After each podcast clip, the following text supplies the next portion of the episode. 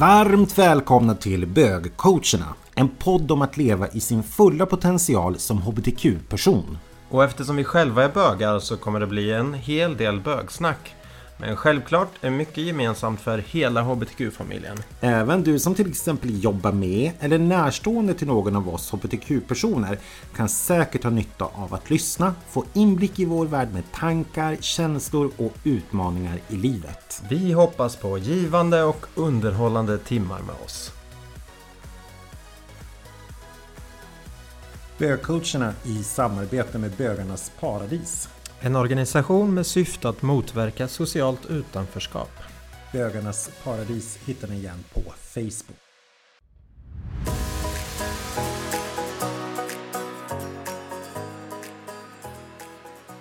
Här sitter jag med Andreas Nilsson och känner mig alldeles redo för att starta upp en ny, nytt poddavsnitt. Hur är läget? Jo, det är jätte, jättebra. Vad bra. Och här sitter jag med Johan Wiklund. Yes. Och han mår? Eh, förträffligt skulle jag vilja påstå. Gud vad härligt. Ja, skönt. Skönt, skönt. Ja, i, i, i dagens podd så, så frågar vi oss Är vi bögar efterblivna? Ni kommer förstå längre fram. Eh, men temat i det stora hela handlar om framgång i yrkeslivet. Och alla vill väl vara framgångsrika och lyckade i sin karriärsutveckling.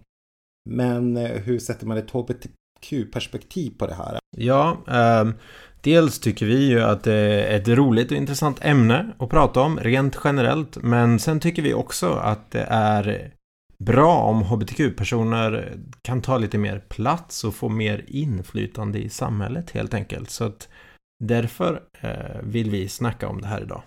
Ja, absolut. Det stämmer ju lite grann till förra veckans eh, podd som vi pratade om, om den fulla potentialen. Och här är väl yrkeslivet en väldigt stor del utav det. Ja, och det här med att vi kallar oss för coacher då. Det handlar ju väldigt mycket om att pusha och stärka och lyfta just. Och det är ju det vi vill göra i varje avsnitt på ett eller annat sätt inom ett eller annat område eller tema då. Ja. Och komma med taktfasta råd också som man faktiskt kan få lite grann kött att bita i. Kan inte du berätta lite grann om den där Forbes-artikeln som du hade läst? Just det, jag läste en artikel för ett tag sedan som handlade om queer money. Eh, och ja, föreställningen är ju att hbtq-personer är ganska framgångsrika och tjänar mycket pengar och, och kan strössla pengar omkring sig och leva livets glada dagar. Men eh, i den här undersökningen då som man refer refererade till i, i artikeln så, så tydliggjorde de att det egentligen handlar ju mest om att hbtq-personer mer sällan eh, har familj och därför har lite mer pengar men att man i, i själva verket tjänar mindre och eh, ett, eh, en viktig orsak till det är att hbtq-personer väljer ofta att eh, gå in i yrken som traditionellt sett eller ja, som är sämre betalda helt enkelt. Mm. Eh, man kunde visa i den här undersökningen då att hbtq-personer ja, går in i yrken som till exempel omsorg, omsorgsyrken, eh, kulturyrken eh, och serviceyrken och det kan vi ju tänka oss också att eh, det är många Mm. Många inom familjen som jobbar inom den typen av yrken. Och de är ju då också då tyvärr inte sällan eh, eh låg, låglöneyrken då. Mm. Så detta med queer money, pink money, det, det är lite chimär. Ja, det finns ju eftersom vi inte lika ofta som andra har barn Mm. Och barn, barn kostar väldigt mycket pengar. Ja, det är otroligt intressant. Men varför, varför väljer vi de yrkena då? Jag kan ju tänka mig att det handlar väldigt mycket om att man vill känna sig trygg och man vill känna tillhörighet och det är yrken som traditionellt sett eh, är öppna och inkluderande och där man känner att här kan jag vara bekväm och här kan jag vara mig själv. Här behöver jag inte spela någon annan än den jag är helt enkelt. Mm. Vad tänker du? Nej, Varför men... väljer vi de yrkena? Ja, alltså det är otroligt svårt att säga. Det finns ju massa olika anledningar. Det är ju en litet spel till, till mitt absolut dåliga påning som jag gjorde. Eh, och du har inte det med det yrket, yrkesvalerna. Men när jag började tänka på det här temat för några veckor sedan så refererade jag till många vänner och vi har pratat om det här. Att många utav oss hbtq-personer, vi blir lite eftersatta på kälken. Och många gånger så kanske vi kommer igen. Därutav är bögar efterblivna. Jättedåligt. Gud, vi måste utveckla det här lite till tror jag. Annars så kommer vi få pisk. Nej. Nej men be, be, berätta mer vad du tänker då. Varför blir vi efter eh, i utvecklingen om vi ska använda oss i... korrekta ord. Lite snällare, ja. ja. Nej men många gånger så kan det vara så att ungdomar eh, som är alltså, heterosexuella ungdomar. De kan ha lite mer fokus på det. De har alla tonåringar har det jobbigt på ett eller annat sätt. Men det är ändå fortfarande så är de i ett heteronormativt samhälle och de kör på många gånger i den, inom normen. Medan vi måste många gånger hantera en helvetes massa saker. Ettan, oss själv. Att överhuvudtaget komma fram till att, nej men oj då, jag är gay. Eller jag inom HBTQ. Vilket gör ja, förutom att vi måste hantera oss själva så måste vi hantera släkt, familjer och vänner och allt mellan himmel och jord som kanske har jätteproblem med det här. Helt plötsligt så har det gått 5-10 år där mitt fokus måste vara på att komma ut eller för att etablera det här och vara sann mot mig själv istället för att faktiskt få arbeta med min personliga utveckling, min karriär, min utbildningsmål, syfte och hela den biten. Ja, och det är inte sällan som jag reflekterar över om man nu ska kategorisera människor. Men jag, om jag tänker på en, en heterosexuell eh, en, den karaktäristiska bilden av en heterosexuell person eh, som är, låt oss säga, 30 år gammal. Så känns det som en person som är ganska vuxen och, och inne i, i det vuxna livet med hull och hår. Eh, medans en person som är ja, men i samma ålder, 30-årsåldern, eh, kan jag tänka på som ganska ung och omogen. och därav att vi tänk, har snackat om det här och som att vi är efterblivna lite grann. Och lever ut och går ut och partar och festar kanske senare än vad andra gör längre eftersom vi inte kanske heller då skaffar barn och, och sådär. Ja men hade man inte tonårsracet, alltså att just den här fantastiska biten med att få vara tonårskär. Mm. Som jag hoppas att det är ett paradigmskifte nu så att det är mycket mer så för de unga hbtq-personerna. Men då måste man ju någonstans ta igen den här så det är ju många som har haft sitt tonårsliv när man, är, när man kommer ut. Och då spelar det ingen roll om man är 25, 30 eller 47 för den delen. Och livet blir helt enkelt jättespännande och häftigt och nu är jag i min fulla potential. Just vad det kommer med min sexuella läggning. Och då får man köra på. Men det finns ju också en risk att det blir annat som hamnar på efterkälken. Och där tänker jag också som en aspekt om man sitter som anhörig och lyssnar på det här. Vilket enormt jäkla ansvar man har som familjemedlem att om man får, kommer till den här insikten att man ska vara väldigt supportive och stöttande till unga hbtq-personer. Det är inte intressant vad du tycker. Det enda som är det intressanta det är att du ska vara en supportive människa så den här unga personen får ta tag i det som är viktigt.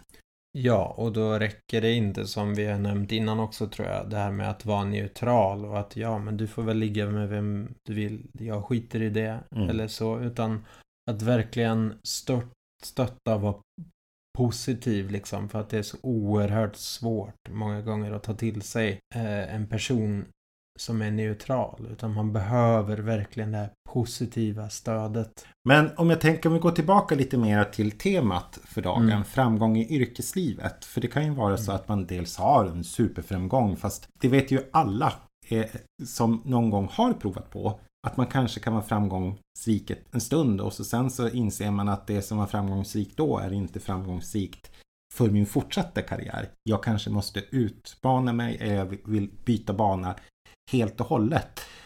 Och tanken med dagens podd det är ju att ge lite verktyg och lite tankar. Hur kan man jobba med sig själv för att lyfta sig själv och framförallt också kanske komma fram till hur, vad vill jag för någonting? Vad vill mm. jag göra?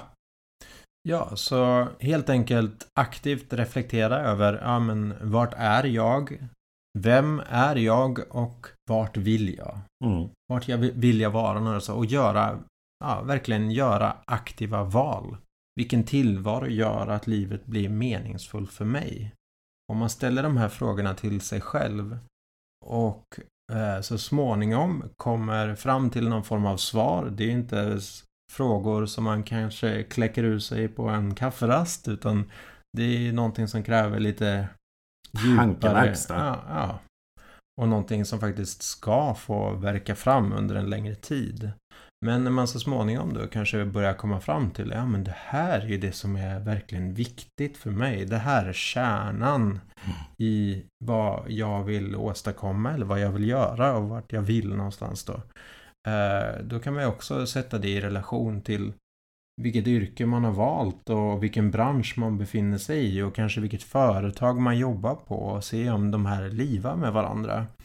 Eh, Stämmer det här överens eller måste jag gå emot mig själv varje dag när jag går till jobbet och mm. bara bita mig i tungan och kämpa på. Eh, vara på jobbet mellan 8 på morgonen till 16.30 prick och sen gå hem när jag gjort mina timmar på jobbet. Och är det så man har eh, sin, ja, sin vardag, då kommer man ju i princip det är klart att man kan göra karriär. Mm. Men jag skulle säga att det är oerhört svårt att göra karriär om man inte brinner för det man gör. Om man inte går igång på det på riktigt. Om man gör det med lätthet. Det är det som är grejen. Man ska ju göra saker i livet som man gör med lätthet. Mm. Och det där är ju så himla intressant Andreas.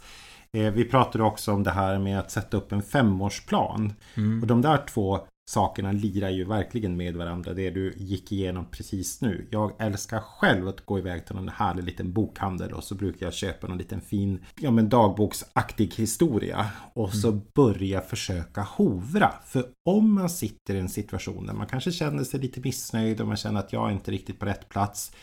Men det kan ju vara andra element i livet också som inte funkar. Mm. Det blir så himla mycket om man bara ska försöka ta något beslut utifrån det. Utan då måste man ju börja kanske titta lite längre bort.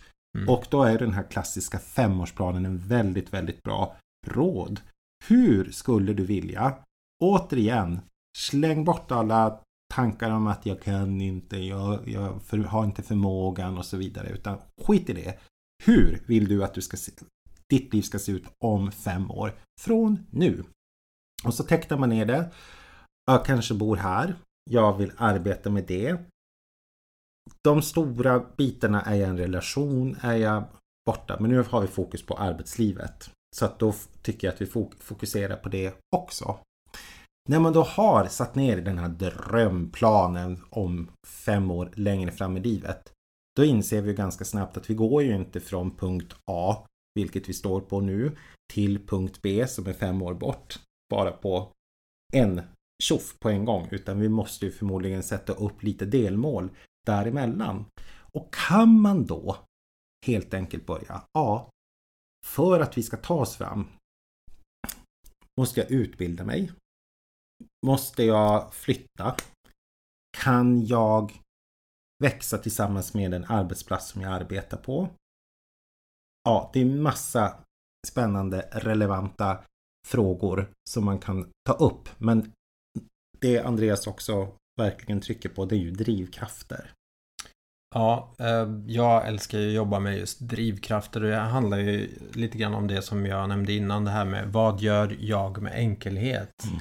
Eh, vi kan eh, göra massa saker som, som kanske inte är supernaturligt för oss, men vi förstår ändå att det är bra för oss själva. Jag kan till exempel skapa struktur genom att göra en Excel-fil eh, trots att jag kanske inte älskar att skapa strukturer för att jag förstår att mitt arbete kommer fungera bättre om jag skapar en Excel-fil och strukturerar upp mitt arbete. Mm. Medan du kanske verkligen har ett grundläggande strukturbehov och, och älskar att skapa strukturer och du gör det verkligen med lätthet.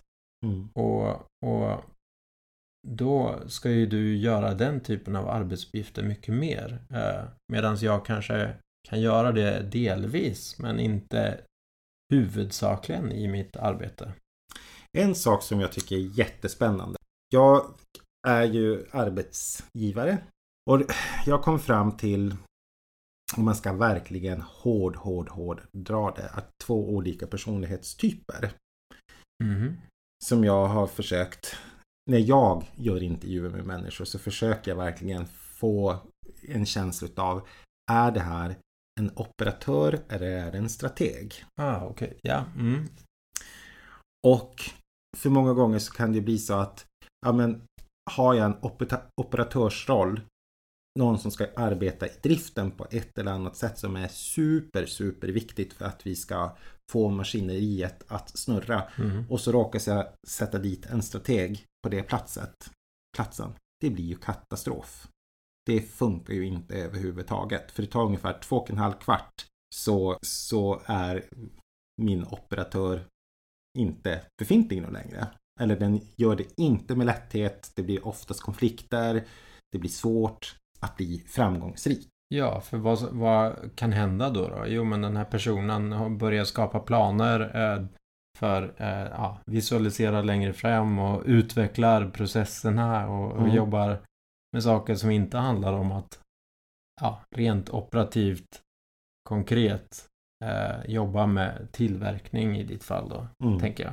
Ja, men eller precis tvärtom, att man råkas få en operatör på en strategroll. Mm. För det, det, kan ju vara otroligt bra med en operatör är många gånger doer och det mm. händer saker och hela den biten. Men den mm. långsiktiga planen, det, det som ska införlivas och det strategiska att jobba med det, det kanske inte finns på samma sätt. Och varför tar jag upp det här exemplet?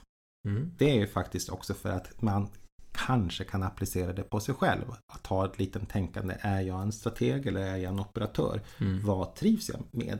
Och där blir det ju också en liten hjälp till att komma till rätt plats. Mm. För det är ju fasiken så kul när man hittar rätt när man får brinnet i magen. Och man känner att nu händer det saker. Om man säger då så här att man gör de här sakerna, man ställer de här frågorna till sig. Vart är jag? Vart vill jag? Är jag nöjd med min nuvarande situation eller vill jag ha en förändring? Man arbetar med en femårsplan. Man sätter den här femårsplanen här framme. Man ser att där ska jag vara. Hovrar, går tillbaka. Vad behöver jag göra? Men hur går man då till action? Från idé till handling?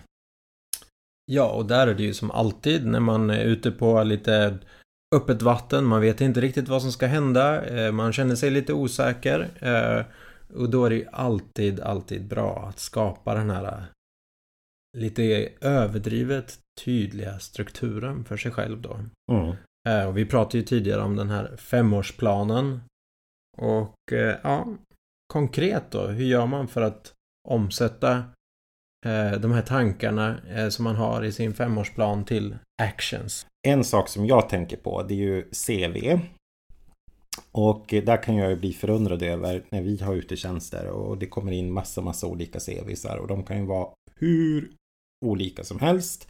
Och ibland kan jag bli jätteledsen för att tänka, men hur tänkte du nu? Du är ju bland annat inom rekrytering och arbetar professionellt med det. Kan inte du ge oss lite råd och tankar och vad, vad ska man tänka på?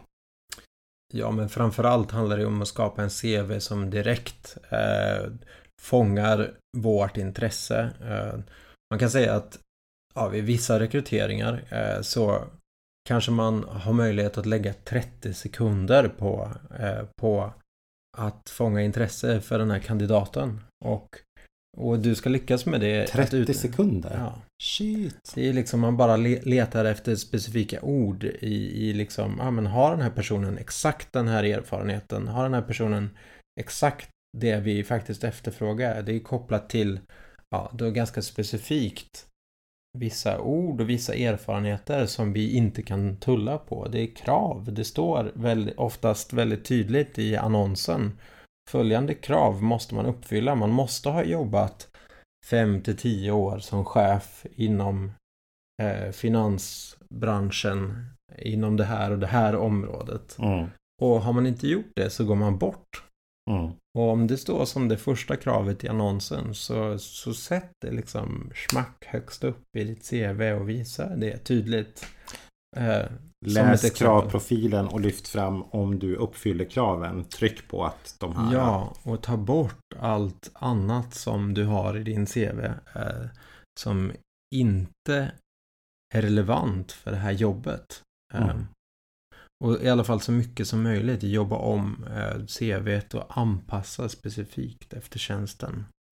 Eh, skulle jag säga. Eh, för att det är så hög konkurrens många gånger om de här eh, riktigt attraktiva jobben. Men också eh, om man inte jobbar inom eh, myndighetsvärlden så om man, ja, privata näringslivet så mm. kan man ju också leta efter potential. Eh, och då handlar det om att kanske uttrycka en specifik, ja, eh, en tydlig bild av vart du vill och varför, just som vi har pratat om. Eh, att man skriver liksom sin målsättning eh, på ett, ett sätt som attraherar eh, arbetsgivaren. Som kanske också ligger i linje med för, företagets värderingar och, och eh, mission eller vision eh, som ni då har läst på också. Mm. Då plockar ni ju plus i kanten såklart. Det tycker jag också är intressant. För många gånger när en tjänst är ute så, så söker man ju en lösning på, på ett problem mm. som man står inför. Och det mm. blir ju det där att jag tänker oavsett om det då är höga tjänster eller tjänster som inte har samma höga befattning.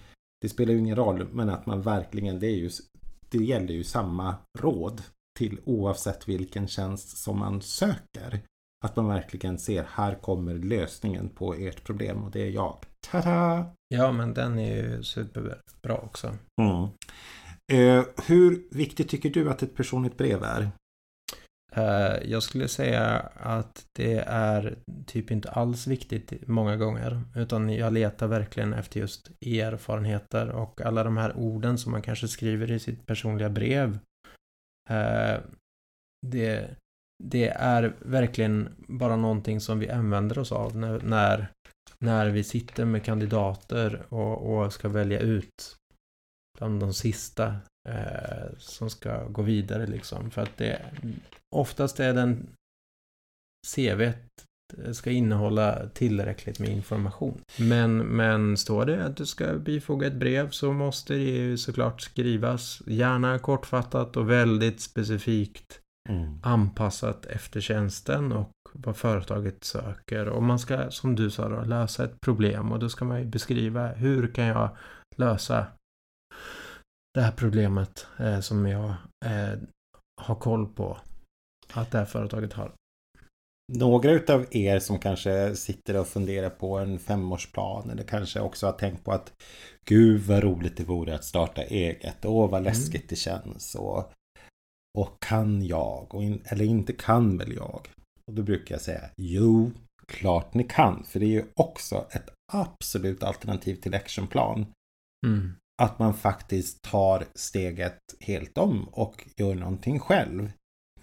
Och där finns det väl faktiskt några goda råd som jag tycker är viktigt att lyfta upp. Att ta med sig. För att det är värt att våga testa din dröm. Jag tycker också att man måste vara beredd på att, att det inte alltid är lätt. Och att man måste ha den insikten med sig. Det är det som många gånger skrämmer att många har någon form av insikt att det här kanske inte kommer bli så lätt. Jag skulle säga så här. om man då ser till att man skaffar sig lite verktyg i form utav en affärsplan. Och den affärsplanen den ska naturligtvis innehålla en vattentät affärsidé. Och precis, mycket hovrar på mig. Jag hovrar hela, hela, hela tiden. Upp ovanifrån och så ser man sitt företagande. Hur ska företaget se ut det är full fart och full blomning? Man ser det från ett ovanifrån perspektiv och man blickar framåt i horisonten. Man lägger pussel. Det är för mig att bygga en strategi, att bygga en affärsplan. Hur ser vi ut när vi har inkomst? Ja, och vad behöver jag då göra för att vi ska bli mm. framgångsrika i det? Jag tänker också att eh, det är ju väldigt viktigt om man nu funderar på att starta företaget man faktiskt gillar, på tal om drivkrafter som vi pratade om innan, mm. att man faktiskt gillar att göra affärer och att, att man går igång på att skapa en businessplan och, och jobba med det. För att det, det är det som är hela grejen. Du måste skapa en förutsättningar att dra in kapital i början. Så är det ju. Ja men precis och på tal om kapital så tycker jag också att det behövs ett startkapital.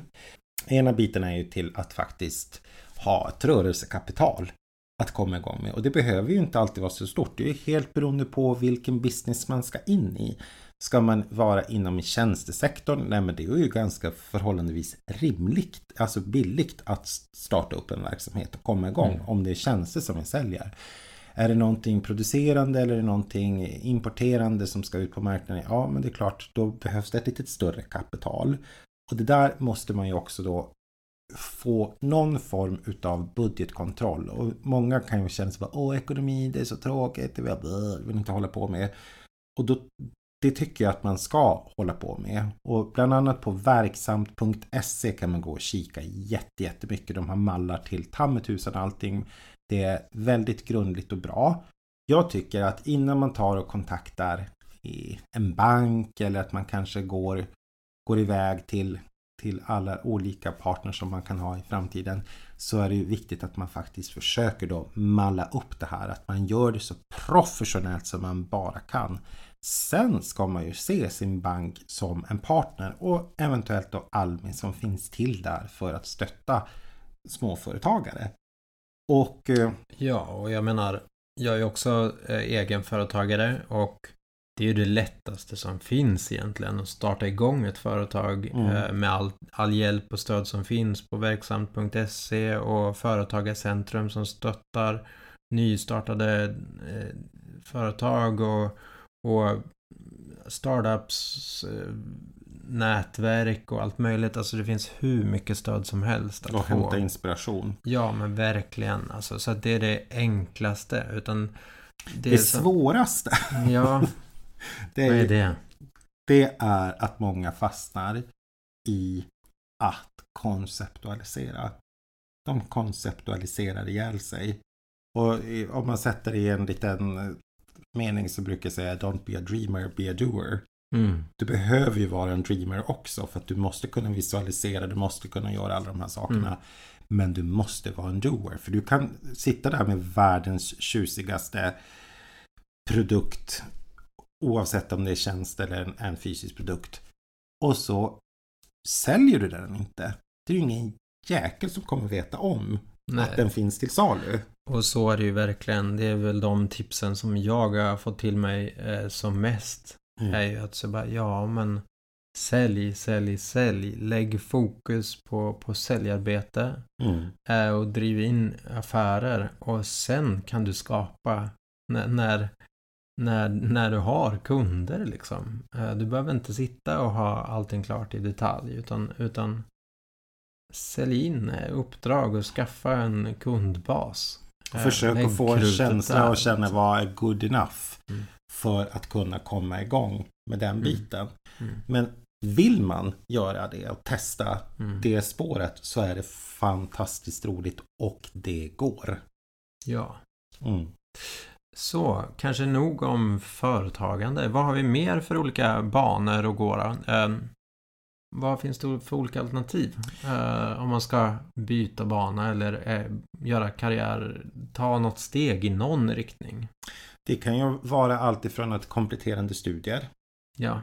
till att känna att ja, men det här är faktiskt, nu vill jag ta steget och Mm. utbilda om mig eller vidareutbilda mig inom en sektor eller göra vad som helst. Och det kan ju vara allt från att man sitter som 50-åring och känner att nu ska jag läsa en kurs och förkovra mig till att man helt styr om banan totalt. Ja, och är det något ställe där man faktiskt träffar människor som tycker och tänker och, som en själv och gillar samma saker som en själv så är det väl när man väljer en specifik utbildning Mm. inom ett specifikt område. Och jag tror att jag nämnde det här på vårt, vad det första samtalet vi pratade Mm. om där om att det var första gången jag började på universitetet när jag skulle plugga till personalvetare och plugga psykologi. Det var första gången då som jag verkligen kände att jag hade hittat min tribe, min grupp, Mm. eller mitt pack som Johan brukar säga här.